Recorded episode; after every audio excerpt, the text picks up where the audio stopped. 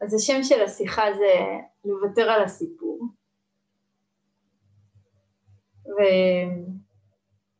ובזמן האחרון אני חושבת הרבה על ההקשרים האלה של דברים שהתרגול או הדרך הבודהיסטית מציעים לנו לוותר עליהם או לשמוט אותם, ועולה בי יותר הצורך להדגיש אה, את הוויתור למען מה, כן? לא רק הוויתור בפני עצמו, אלא הוויתור כאקט חכם, כן? כאקט של חוכמה, כאקט שלוקח אותי למקום מסוים, כן?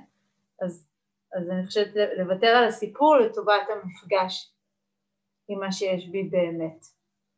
וככה זה, אמ, אני חושבת שיש כל מיני שכבות, כן? כאילו, אה, כמו אה, אה, בצל כזה שיש לו, שאפשר לקלט, כן? המון המון שכבות שלו, זה לא שהסיפור הוא לא חלק מהחוויה שלנו, זה לא שהסיפור הוא לא נכון, זה לא שהסיפור הוא משהו שאנחנו לא רוצים להתייחס אליו ולהגיד, טוב, זה רק מחשבות, אין לי מה להתייחס לזה, או זה רק סיפור, אז, אז זה לא האמת, כן, ויש משהו אחר, אבל, אבל כן יש שכבות לחוויה שלנו. ואני חושבת שככל שיש יותר ויותר שכבות, ככל שה... אם, אם אפשר להגיד את זה ככה, הבצל שלנו יותר גדול ויש לו יותר ויותר קליפות, כן? אז אני יותר ויותר מתרחקת מהחוויה האורגנית ויותר ויותר מוסיפה עוד סיפורים ועוד תכנים ועוד מחשבות ועוד אה, אה, פרשנויות ועוד כן מה שאנחנו קוראים לו פפנצ'ה, כן, שהמחשבות כבר נהיות כל כך אובססיביות ומהירות וזה עוד רובד על עוד רובד ועל עוד אחד ועל עוד אחד. מה שאנחנו רוצים לעשות, כן, זה לקלף, כן, ולהגיע יותר ויותר לגרעין של החוויה ותכף אה, נדבר למה. אחד הדברים הראשונים שאנחנו עושים במהלך התרגול שלנו, בדרך הזאת של התרגול, זה בכלל להתחיל לעשות את התנועה הזאת שמפנה את המבט שלנו, שרגיל בדרך כלל לפנות החוצה, והיא עושה את התנועה שלו של להתחיל לפנות פנימה, כן? למה אני מתכוונת כשאני אומרת את זה? הרבה פעמים אנחנו, אה, איך אני אגיד את זה? אה, אנחנו משייכים את החוויה שלנו, כן, לאיזשהו אובייקט, או חושבים שהחוויה שלנו מותנית באיזשהו אובייקט שהוא חיצוני לנו, כן? יש לי מצב רוח טוב עכשיו, נגיד אה, בגלל שיגמר הסגר, או יש לי מצב רוח רע בגלל שיש סגר, כן? אני אה, מרגישה חרא בעבודה בגלל הבוס שלי, כן? או, או אני מרגישה טוב בעבודה בגלל חברים או חברות שיש לי שם. אמ, זאת אומרת, אה, מה קורה? התעצבנתי, למה? הוא עצבן אותי, כן? הוא זה הדבר, הוא זה הבעיה, הוא זה העניין. זאת אומרת, אנחנו כל הזמן מייחסים את החוויה שלנו, כאילו האחריות על החוויה שלנו נמצאת באובייקט, כן? האובייקט זה האדם, הסיטואציה, ומה שתרגול בעצם מציע לנו לעשות, הוא אומר, זה לא שהאובייקט הוא תמיד בסדר וכל הבעיות שבעולם הם בי, ממש לא. ומה שתרגול מציע לנו לעשות, זה לעשות איזושהי תנועה שעושה הפנייה של המבט, כן? ובמקום כל הזמן לחפש מה קורה בחוץ, מתחילה לבדוק מה קורה בפנים. כן, יכול להיות שיש לי בוס שהוא, אה, יכול להיות שעצר אותי שוטר שהוא מאוד מאוד לא נחמד, כן? אבל מה בי זה מעורר, כן? מה קורה בי ביחס לזה, איזה תגובה, דרך איזה אופן התבוננות אני פוגשת את זה. וזה אחד הדברים הראשונים שאנחנו עושים במהלך התרגול, אלא לא, לא לנסות להבין, אה, לחפש מי אשם במה שקרה, אלא לנסות להבין מה הופעל אצלי, מה פעיל אצלי עכשיו, כן? זה, אז אמרתי בתחילת השיחה, מי שלא עצר אותי שוטר ונתן לי דוח, כן? לא, זה, זה הסיפור. אבל מה מופעל אצלי? מה באמת כואב לי כל כך עכשיו? כן? האם זה, האם זה נטו הסיפור הזה של הדוח? האם זה נטו הכסף שאני צריכה לשלם? האם זה נטו זה שזה קרה ולא תכננתי שזה יקרה, כן? או שיש איזשהו משהו שהוא טיפה יותר עמוק, שמופעל אצלי ביחס לסיטואציה. אז הרבה פעמים כשאנחנו מתחילים להפנות את סוג המבט הזה פנימה במקום החוצה, אנחנו מגלים שהמקומות שבהם כואב לנו, או המקומות שבהם מאתגר לנו, די חוזרים על עצמם, כן? הם די, הם די דומים. כשאני מקלפת את הסיפור אני מגלה שהרבה פעמים המקומות שבהם אני חווה קושי זה מקום שבו פשוט לא קורה מה שרציתי. בכל מיני אופנים שונים, כן?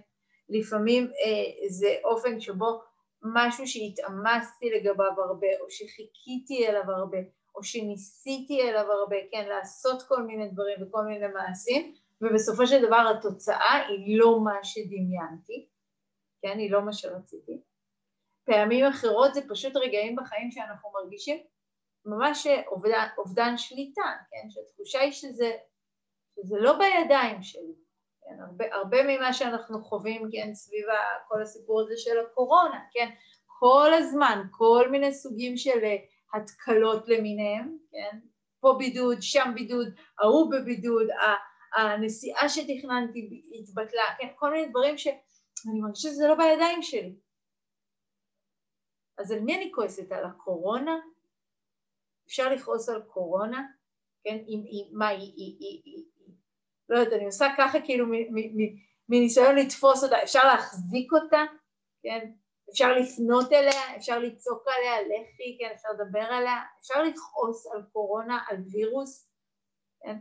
כשחושבים על זה ככה, יש בזה משהו שקצת מפרק את זה, נכון? כאילו, קצת איזושהי התפרקות של אוקיי, אז אני לא יכולה לכעוס על הקורונה. אני יכולה לכעוס על הממשלה, כן? אני יכולה לכעוס על אה, אנשים שהם לא זהירים, כן, אם אני מאוד מאוד זהירה, זאת אומרת, אני לא מצליחה לכעוס על הדבר עצמו, אז אני מתחילה לנסות כל הזמן לחפש דברים ליד שאני יכולה לכעוס עליהם. אפשרות, זו אפשרות. או שאני יכולה לראות מה מופעל אצלי בפנים ביחס לקורונה.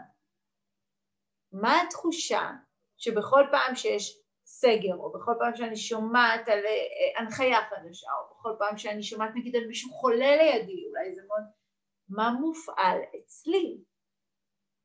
ואז אני מגיעה לאיזשהו... אה, אה, כאילו, אני, אני חושבת שהמילה עמוק פה היא לא מדויקת, זה לא העניין שזה עמוק יותר, אלא אני מגיעה לאיזשהו דיוק ביחס למה כואב לי באמת.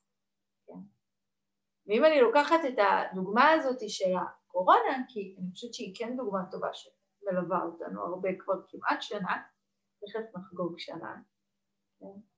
הדוגמה הזאת של הקורונה היא דוגמה מאוד מאוד טובה, שהיא מבליטה את אה, אחת ההתמודדויות הכי קשות שיש ל... אני חושבת לרוב בני האנוש, וזו התמודדות עם אי ודאות, כן?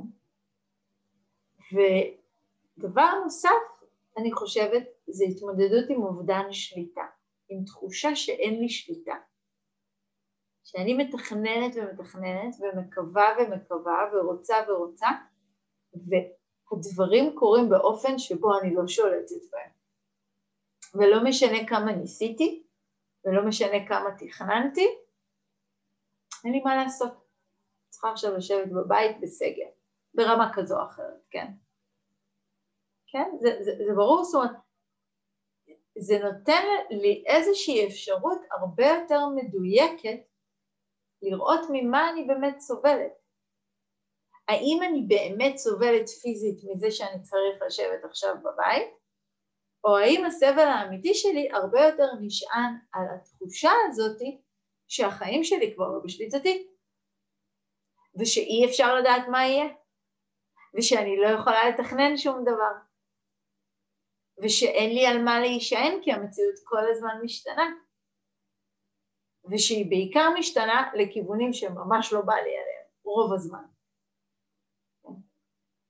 זה לא הקורונה, כן, כ, כ, כמילה, כאובייקט, כשם, כווירוס, כ, כ, אלא מה הקורונה מעוררת בי.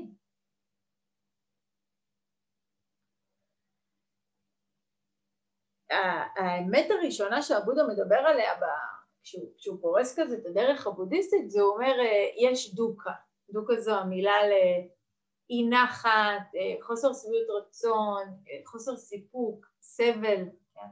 אי נחת זו מילה די טובה מבחינת ה... להתחבר לכל הטווח שהיא פורסת בפנינו. וכשהוא מדבר על אי נחת הוא אומר החיים הם אי נחת, כן? אבל הוא לא אומר החיים הם אי נחת תמיד, כן? הכל סבל ואין לי מה לעשות, הוא אומר החיים הם אי נחת כשהקיום שלי הוא לא ער, שאני לא ערה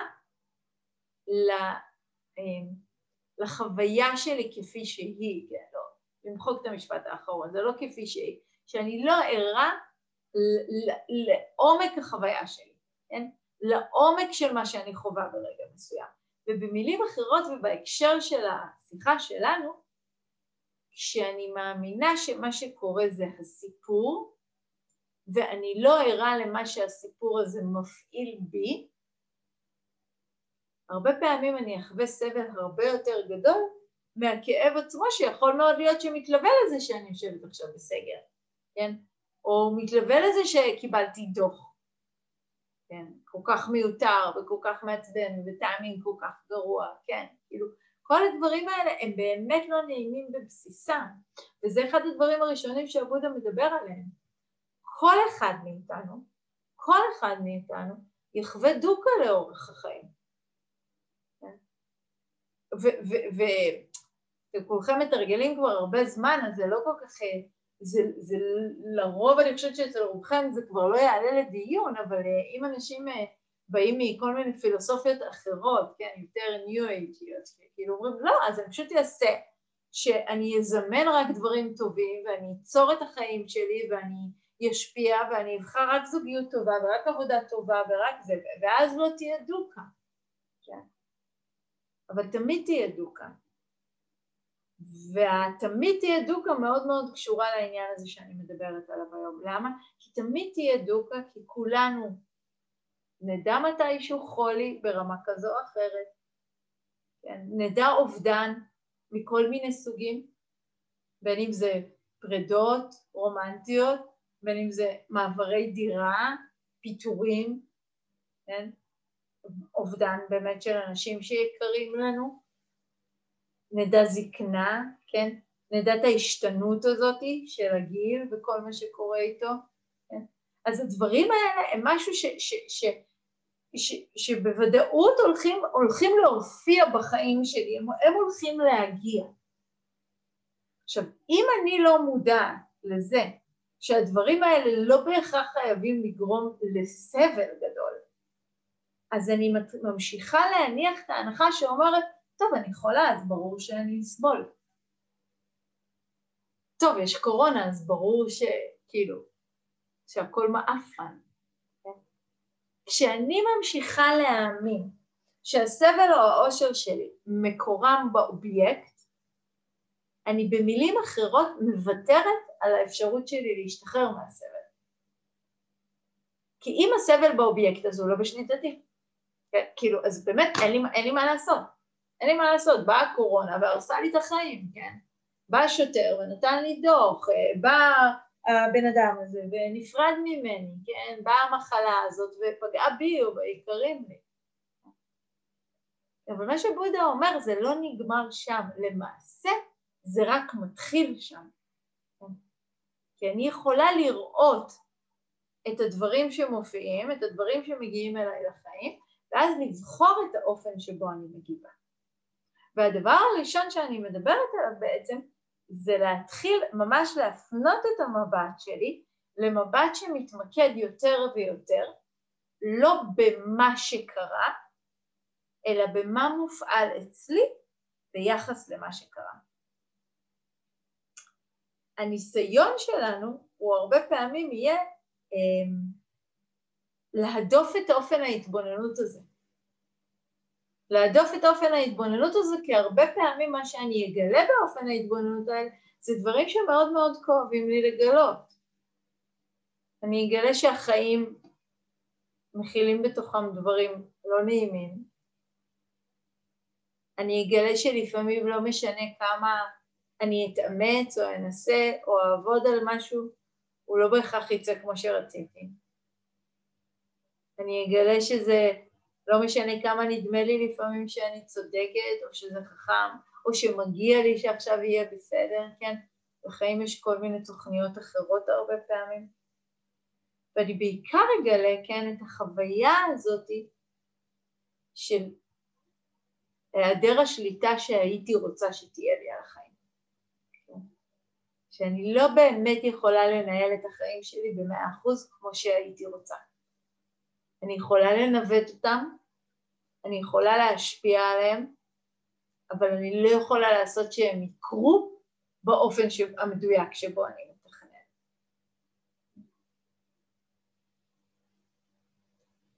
ואני חושבת שאנחנו יודעים את זה פה, כן? בראש אנחנו יודעים את זה, אבל באמת לחוות את זה, באמת לחוות את זה באופן שבו אני מסכימה לפגוש את זה, שהדברים הם לא בשליטתי, כן?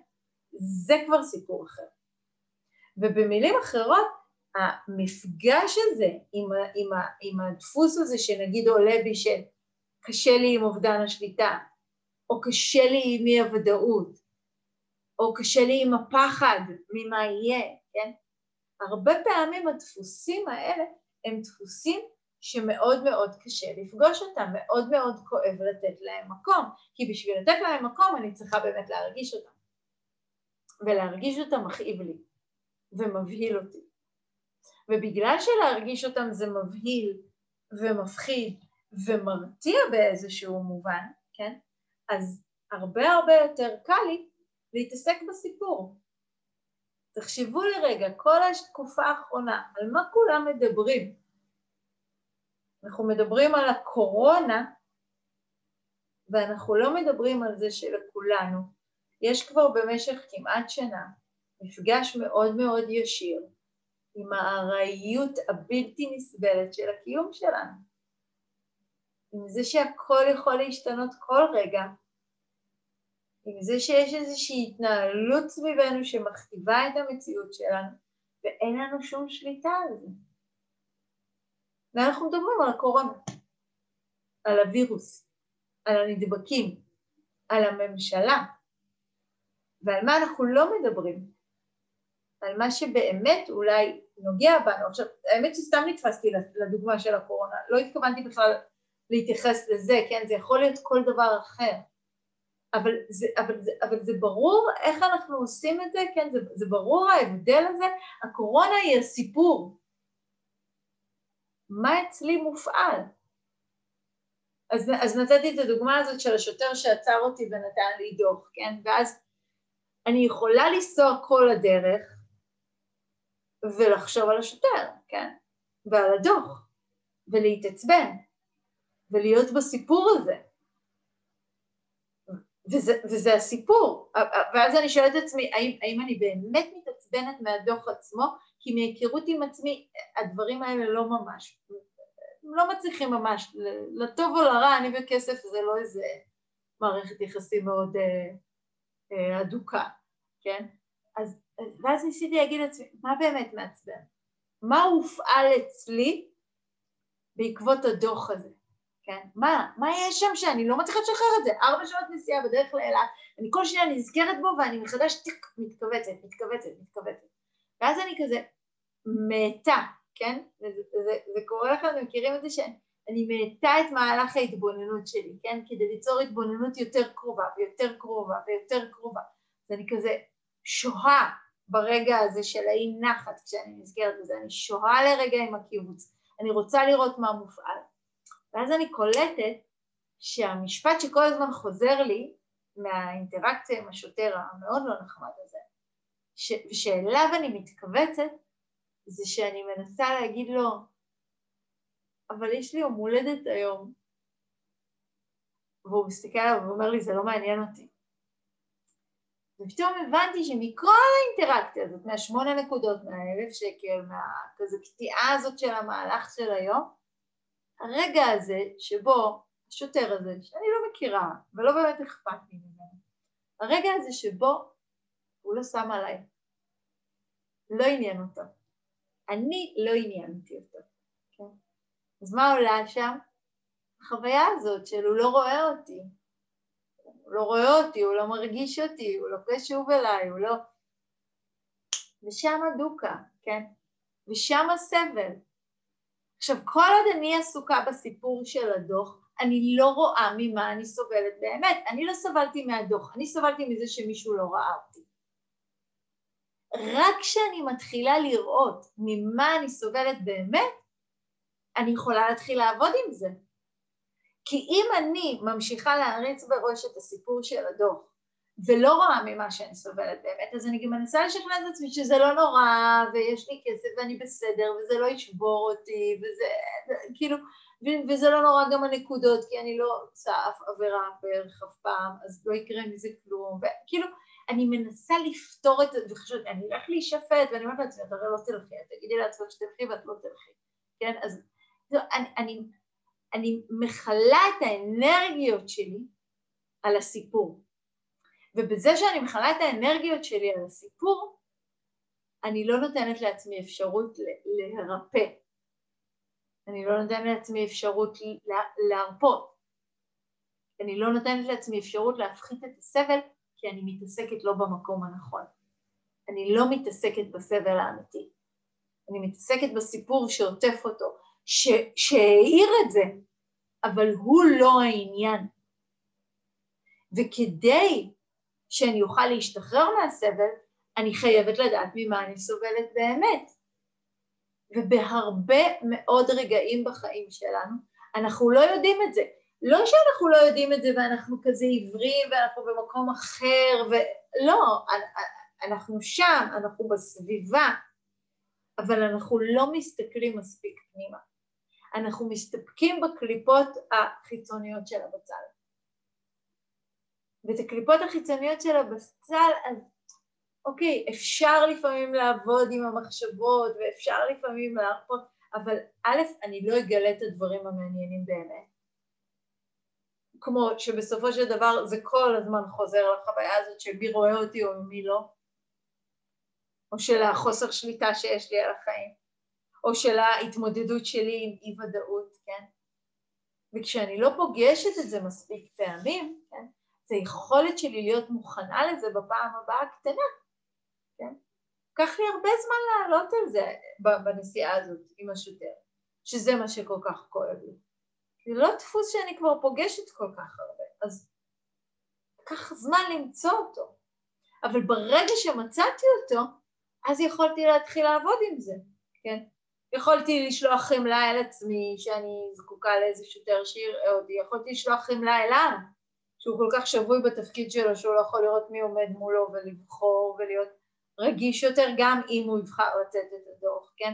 זאת אומרת, פתאום ברגע שראיתי ממה אני באמת סובלת, נולדו הרבה מאוד אפשרויות.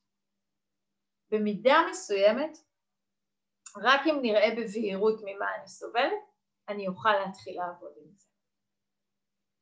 ויש משהו מאוד מעניין בזה, שהרבה פעמים החוויות שמהן אני סובלת, הן הרי חוויות שאצלי נחוות כמאוד מאוד בלתי נעימות. להצליח להגיד לעצמי בקול רם, להגיד, להצליח להרגיש שמישהו לא רואה אותי ולהגיד את זה לעצמי, זה להיות קרובה מאוד למרחב רגשי ומנטלי מאוד כאוב ופגיע בעצמי, אחרת זה לא היה מופעל כל כך כמובן. כן? הפגיעות הזאת, החשיפות הזאת של המקומות האלה היא כל כך אה, אה, רגישה הרבה פעמים, שמה שהיא עושה זה פשוט זורקת אותנו לסיפור. יותר קל לקלל את השוטר, יותר קל להתעצבן על הדוח, יותר קל להתעסק ב... יואו, איזה עולם מעפן, ודווקא היום, ויש לי יום כן, יותר קל להתעסק בכל הקליפות האלה, מאשר להגיד, אני נעלבת ששוטר לא רואה אותי. זה לא נעים לי שמישהו לא מקשיב לי, כן? שזה משהו כזה, לא יודעת, עולה לי המילה מתוק, זה מתוק כמה זה רגיש ועדין ופגיע, וזה כל כך עדין שנורא נורא קשה לנו לגעת בזה. ואז נולדת התגובה הזו של ההימנעות, אני נמנעת מלגעת בזה. הסיפור הוא הרבה פעמים פשוט הדרך שלי להימנע מלגעת במה שכואב לי באמת. כן? אז, אז, אז נסעתי לאילת ביום חמישי וזה היה לנו כזה פה סופש כזה של חברות אמ, ו... הם, הם באו בטיסות שונות, בשעות שונות, ואחת מהן אה, הגיעה בשמונה בערב בטיסה, יש לה אה, משפחה, יש לה שלושה ילדים, הגיעה בשמונה בערב בטיסה, וכמו שהיא הגיעה לכאן, לחנייה של המלון, של החדר, ופתחה את הטלפון, היא קיבלה הודעה מבעלה שהוא צריך להיכנס לבידוד. ומה היא עושה עכשיו? היא עומדת בחניה יום חמישי, זה שמונה, תשע בערב, כאילו מה, מה היא אמורה לעשות עם המידע הזה עכשיו? ו... וזה היה מאוד מעניין, אז לא משנה, מבחינה פרקטית פשוט שמנו אותה בחדר נפרד, כן, והיינו בעיקר במה אה, שנקרא מרחבים ציבוריים לאהלן ים סוף, אבל ההתמודדות שלה הייתה מאוד מאוד מאותגרת מזה, obviously, כן? כי, כי כל המשפחה שלה יושבת בבידוד והיא כאן, ועד שהיא כבר באה, כן? ועד שהיא לקחה סוף שבוע, ועד שהיא לקחה חופש, ועד שהיא רוצה ליהנות, והדבר הזה לא מפסיק לנקר בראש, כן? ומה שהיא התעסקה איתו כל הזמן, זה המחשבה על הבידוד עצמו, על אם תצא תשובה חיובית, על אם ידע, זאת אומרת, על? על, על הסיפור, על המעטפת. ולקח איזה יומיים שהיא התבשלה עם זה, והתבשלה עם זה, והייתה עם זה, ועם הסיפור ועם הסיפור, ורק אחרי יומיים, כן, כאילו באיזו שיחה כזאת שסוף סוף נפתחה, זה היה כאילו, מה באמת כואב פה? מה, מה, מה באמת הסבל הגדול, כן? שאין לי שליטה. מישהי מאוד זהירה דווקא עם העניין הזה של הקורונה והכל, כן? והיא אומרת, אני מנסה ומנסה ומנסה ואני לא, אני לא יכולה לשלוט בזה, בסוף זה מגיע. כן? אז הסבל הוא לא, הוא לא מהסיפור הזה שנהיה. הסבל הוא מהתחושה הזאת שהיא לא באמת יכולה להימנע מזה. שזה כן יכול לגעת בה, שזה כן יכול לפגוע בה, שאין לה שליטה מוחלטת על החיים שלה כמו שהיא הייתה רוצה שתהיה לה. ואז כשהיא מסכימה לפגוש את זה באמת, משהו אחר יכול להתחיל להיפתח. ויכולות להופיע כל האיכויות האלה שאנחנו מדברות עליהן, של הסכמה, של אפשור. להסכים לפגוש את מה שמפחיד אותי באמת. לאפשר ולתת מקום למה שקשה וכואב באמת, כן? כי היא כבר פה, כן? זה, זה כבר לא משנה. הדבר הזה כבר קרה. אבל אבל האם אני יכולה להסכים לקבל את זה שלפעמים אין לי שליטה? לא משנה כמה אני מנסה. האם אני יכולה להסכים לקבל את זה שאין לי ודאות, שאי אפשר לדעת, ושאפשר לנסות, ושצריך לנסות, ושצריך להמשיך ולנסות הכי טוב שלי, אבל בלי לדעת מה יהיה. לא למען תוצאה מסוימת. כן? יש פה איזושהי... כשאנחנו מתקרבים לאזורים הפגיעים האלה, בדרך כלל מתעורר אצל הרבה מאיתנו איזשהו אי שקט מאוד גדול, כן? איזשהו חוסר נחת כזאת, של כאילו, לא יכולה לסבול את המחשבה הזאת שאין לי שליטה, לא יכולה לסבול את האי-ודאות הזאת. וכשאני לא יכולה לסבול משהו, כן? אני הרבה פעמים נרתעת ממנו. ואז אני הולכת, אני הולכת לכל מיני דברים אחרים, אבל אני בעיקר, ותזכרו את התנועה הזאת טוב, אני הולכת, אני מתרחקת מהחוויה.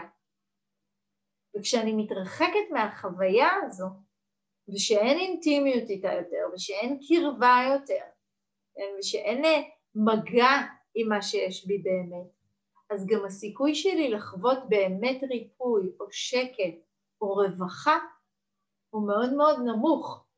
כי יש משהו שאני כל הזמן הולכת ממנו, יש משהו שאני כל הזמן מסיטה את המבט.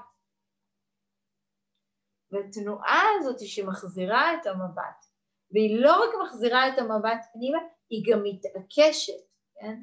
קצת אה, סתם עולה לי עכשיו שעשיתי את התנועה הזאת של היד, ש, שאתם יושבים באיזה רגע כזה אינטימי עם חבר או, או, או, או חברה או בת זוג, או, או, ומשהו עובר עליכם, ומישהו שבאמת קרוב אליכם שואל אתכם מה קרה וכזה כלום, והוא לא מרפה את המבט ממכם.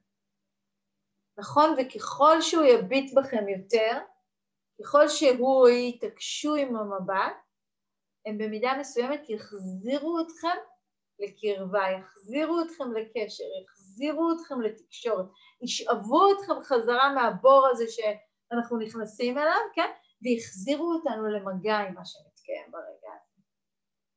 ובמידה מסוימת זה בדיוק מה שאנחנו רוצים לעשות עם עצמנו, כן? הרבה פעמים הוויתור על הסיפור הוא למען הקרבה והאינטימיות של מה שיש בי באמת. הוויתור על הסיפור מאפשר לי סוף סוף לבוא במגע. סיפור הרבה פעמים חוצץ בני, כי היא יכולה לשבת פה ושלושה ימים לדבר על אני אהיה בבידוד, אני לא אהיה בבידוד, ואם אני אהיה, אז איך הוא יהיה ואיך זה, אני יכולה לדבר על כל זה. האם זה עזר לי במשהו? האם זה הפחית במשהו את הסבל? ופה אני גם רוצה להגיד שתשימו לב מי מכם שיש לו נטייה חזרתית כזאת. נטייה לחזור על הדבר שוב ושוב ושוב ושוב ושוב, להגיד אפילו את אותם משפטים, לספר את אותם סיפורים, להתקשר גם לחברה הזאת וגם לחברה הזאת וגם לחברה הזאת ועם כל אחת ללוש את אותו סיפור שוב ושוב. כל רגע כזה שאני לש את הסיפור זה רגע שאני מתרחקת ממה שיש בי באמת. ולפעמים אני רוצה לשמוט את הסיפור כדי לתת לחוויה האורגנית הזאת, הנוכחת הזאת של הפחד, של אי הוודאות, של אובדן השליטה, של הכאב, כן, לעלות. הסיפור הוא מרחיק. כשאני שומטת אותו, אני יכולה להתחיל להתקרב אל מה שיש. ובמידה מסוימת אה, ויתור על הסיפור זו בחירה מאוד אקטיבית בקרבה ובאינטימיות כן? ובמפגש ובמרחב כזה שבו אני מרגישה שאני בוחרת במודע לאפשר לדברים לעלות ולהופיע מבלי להיבהל מהם. זה לא כי הסיפור הוא לא חשוב, לא בגלל זה אני מוותרת עליו. זה מאוד מאוד חשוב להגיד, וזה לא שהוא לא אמיתי, זו באמת דילמה מה היא תעשה עם בידוד, כן? זה באמת לא נעים לקבל דוח. אז זה לא שהסיפור לא חשוב, אבל מה שמניע אותי, מה שמופעל אצלי, הוא חשוב יותר. ולכן אליו אני רוצה לפנות, ושם אני רוצה לשים את הדגש, ועם זה אני רוצה להיפגש. אז, אז, אז יש פה כל מיני סוגים של בחירה, זו באמת בחירה בקרבה וזו בחירה באינטימיות, אבל אני מרגישה שזו גם בחירה של אומץ. כי במילים אחרות, המוכנות הזאת לפגוש כאב היא בעצם מוכנות לא רק לפגוש, כאילו לפגוש כאב, זו איזושהי שפה שהתרגלנו לדבר בה, אבל מוכנות לפגוש כאב, זו מוכנות להרגיש כאב, זו מוכנות להתקרב לכאב, זו מוכנות לדעת ולהסכים שיש כאב בחיים שלי, ולא לרצות לצאת איתו למלחמה כל פעם מחדש, אלא אפשרות להתקרב אליו ולאפשר לו.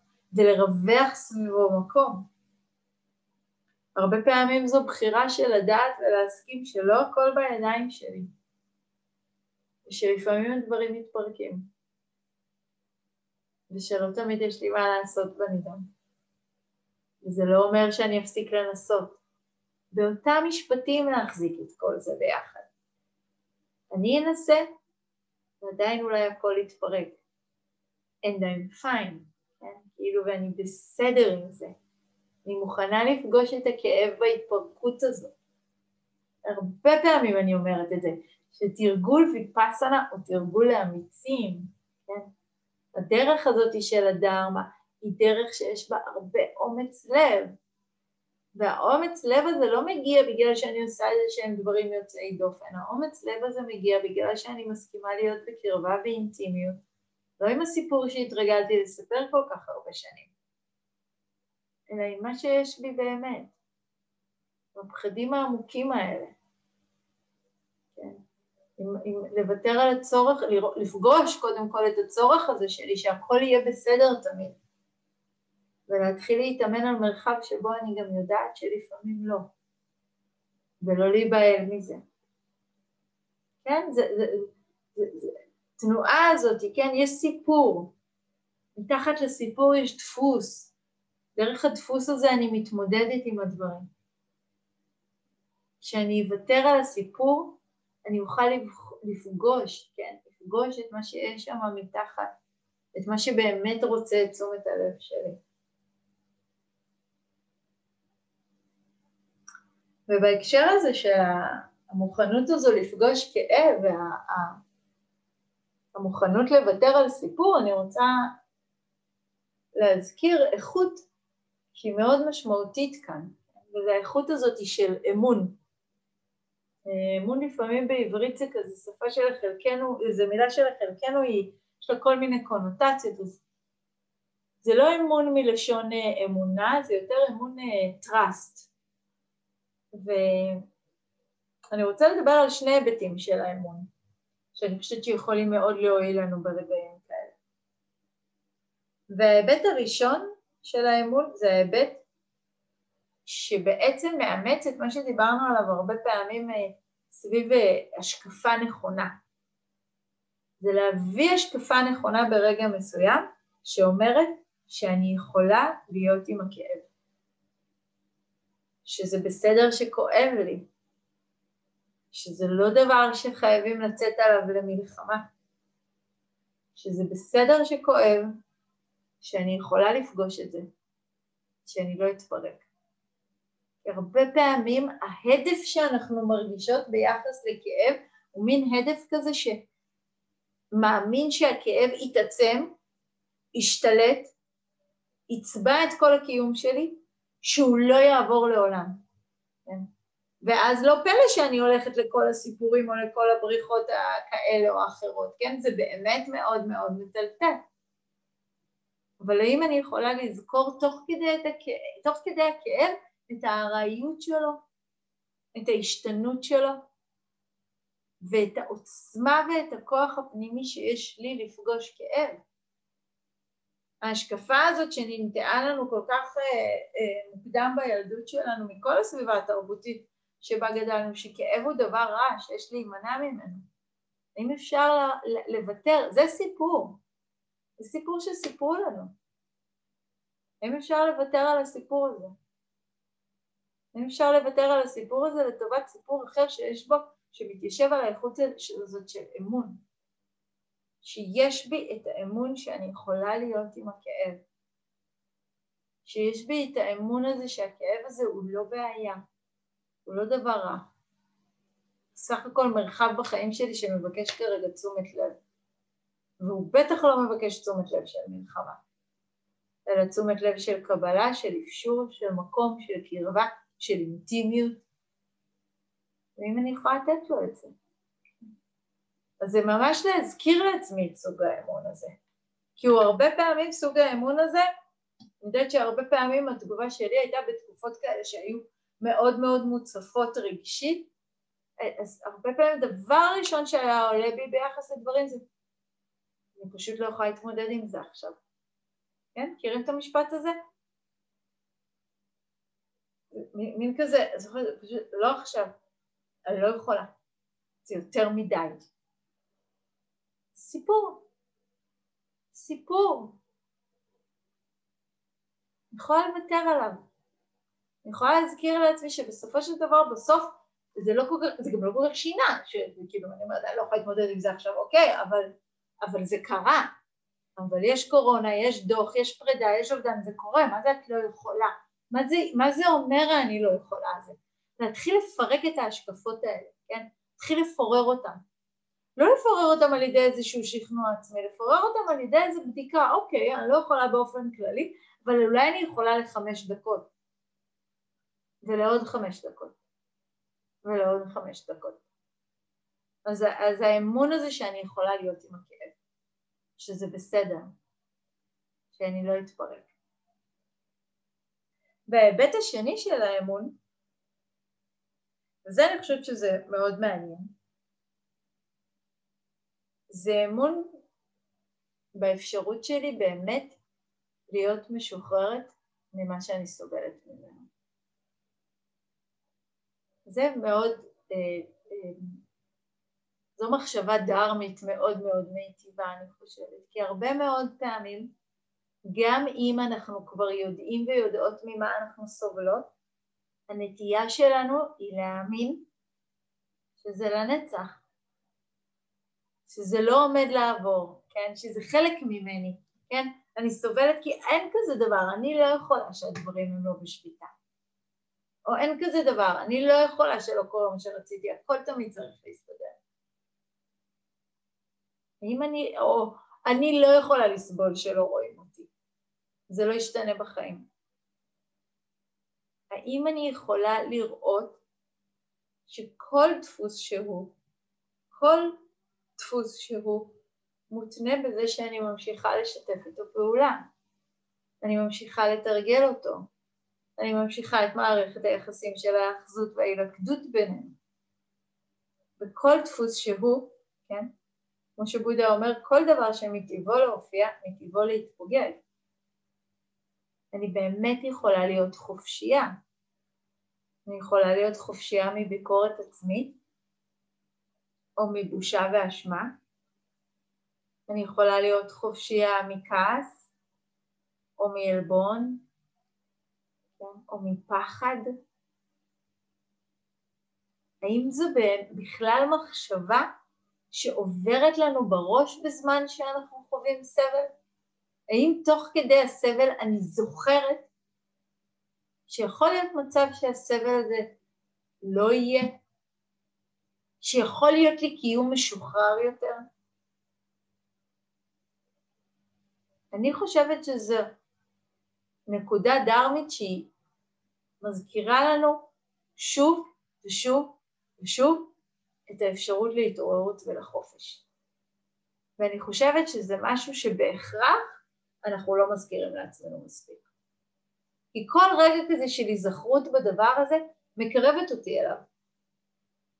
כל רגע כזה של היזכרות בזה שאני יכולה להיות חופשייה מהסבל הזה עכשיו, זה רגע שלרגע, לרגע, מרחיק אותי מהסיפור, מרחיק אותי מהסבל, וכמו מר, מראה לי את הכיוון האחר.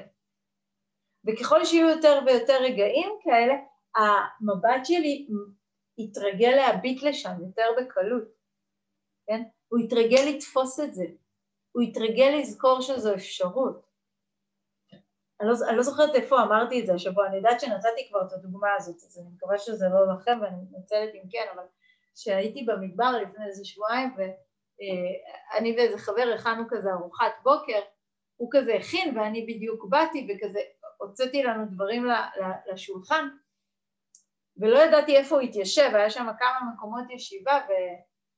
ואז אמרתי לו, איפה אנחנו? כאילו הלכתי עם הצלחות ואמרתי לו, מה שלנו פה, איפה אנחנו? איפה שהוואפלות של לואקר? עכשיו, הוא מסתובב, מסתכל על השולחן ואומר, כן, איפה שיש חמאה, זיתים, לחם, מלחייה וופלים של לואקר, כן? עכשיו, אבל אני ראיתי רק את הלואקר שהן ופלות שאני אוהבת והן לא טבעוניות ואני לא אוכלת אותן והתודעה נמשכה אליהן והיא לא נמשכה, ל... אולי היה צריך לראות את זה בשביל לראות כמה זה היה מצחיק, כי כאילו הם היו כזה בצד השולחן והכל היה ערוך ומוכן, אבל, אבל מה אני ראיתי? וכשאני רגילה יותר ויותר לאורך החיים לראות את התודעה שלי נלכדת, לראות את התודעה שלי סובלת, לחוות כאב, לחוות דוקה, אני מתרגלת לראות את זה כאופציה מאוד זמינה ונגישה של התודעה שלי, ואני שוכחת שהאופציה לשחרור ולחופש כל הזמן שם. כל הזמן. פשוט כל הזמן שם.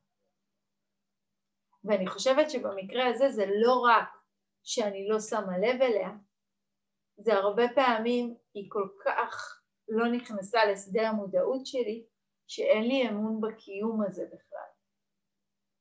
שכאילו אני חושבת, בסדר, כן, אני אתרגל, באמת יש לי קצת פחות חרדות ואני טיפה פחות מתעצבנת בעבודה, אבל ממש להיות בן אדם בלי ביקורת עצמית, לא, זה לא אני, זה אי אפשר.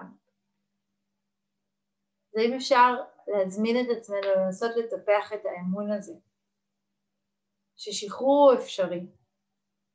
מהסיבה הפשוטה שאם פעם אחת השתחררתם, לרגע אחד, לרגע אחד יכולתם לראות איזשהו רווח ביניכם לבין הדברים, איזשהו מרווח של בחירה אחרת, כן, איזשהו אה, רגע אחד של הרפייה מהאחזות, של הרפייה של התכווצות ואיזשהו רווחה שמגיעה לתוך הרגע הזה, אם זה קרה רגע אחד, זה יכול לקרות תמיד. כמה נתרגל את זה. ולפעמים חלק מהתרגול זה להזכיר לעצמנו. זה פשוט להזכיר לעצמנו מה עוד אפשרי עבורי. השחרור הוא אפשרי, ואנחנו לא צריכים להתבייש אה, לשאוף לשם. בכל רגע.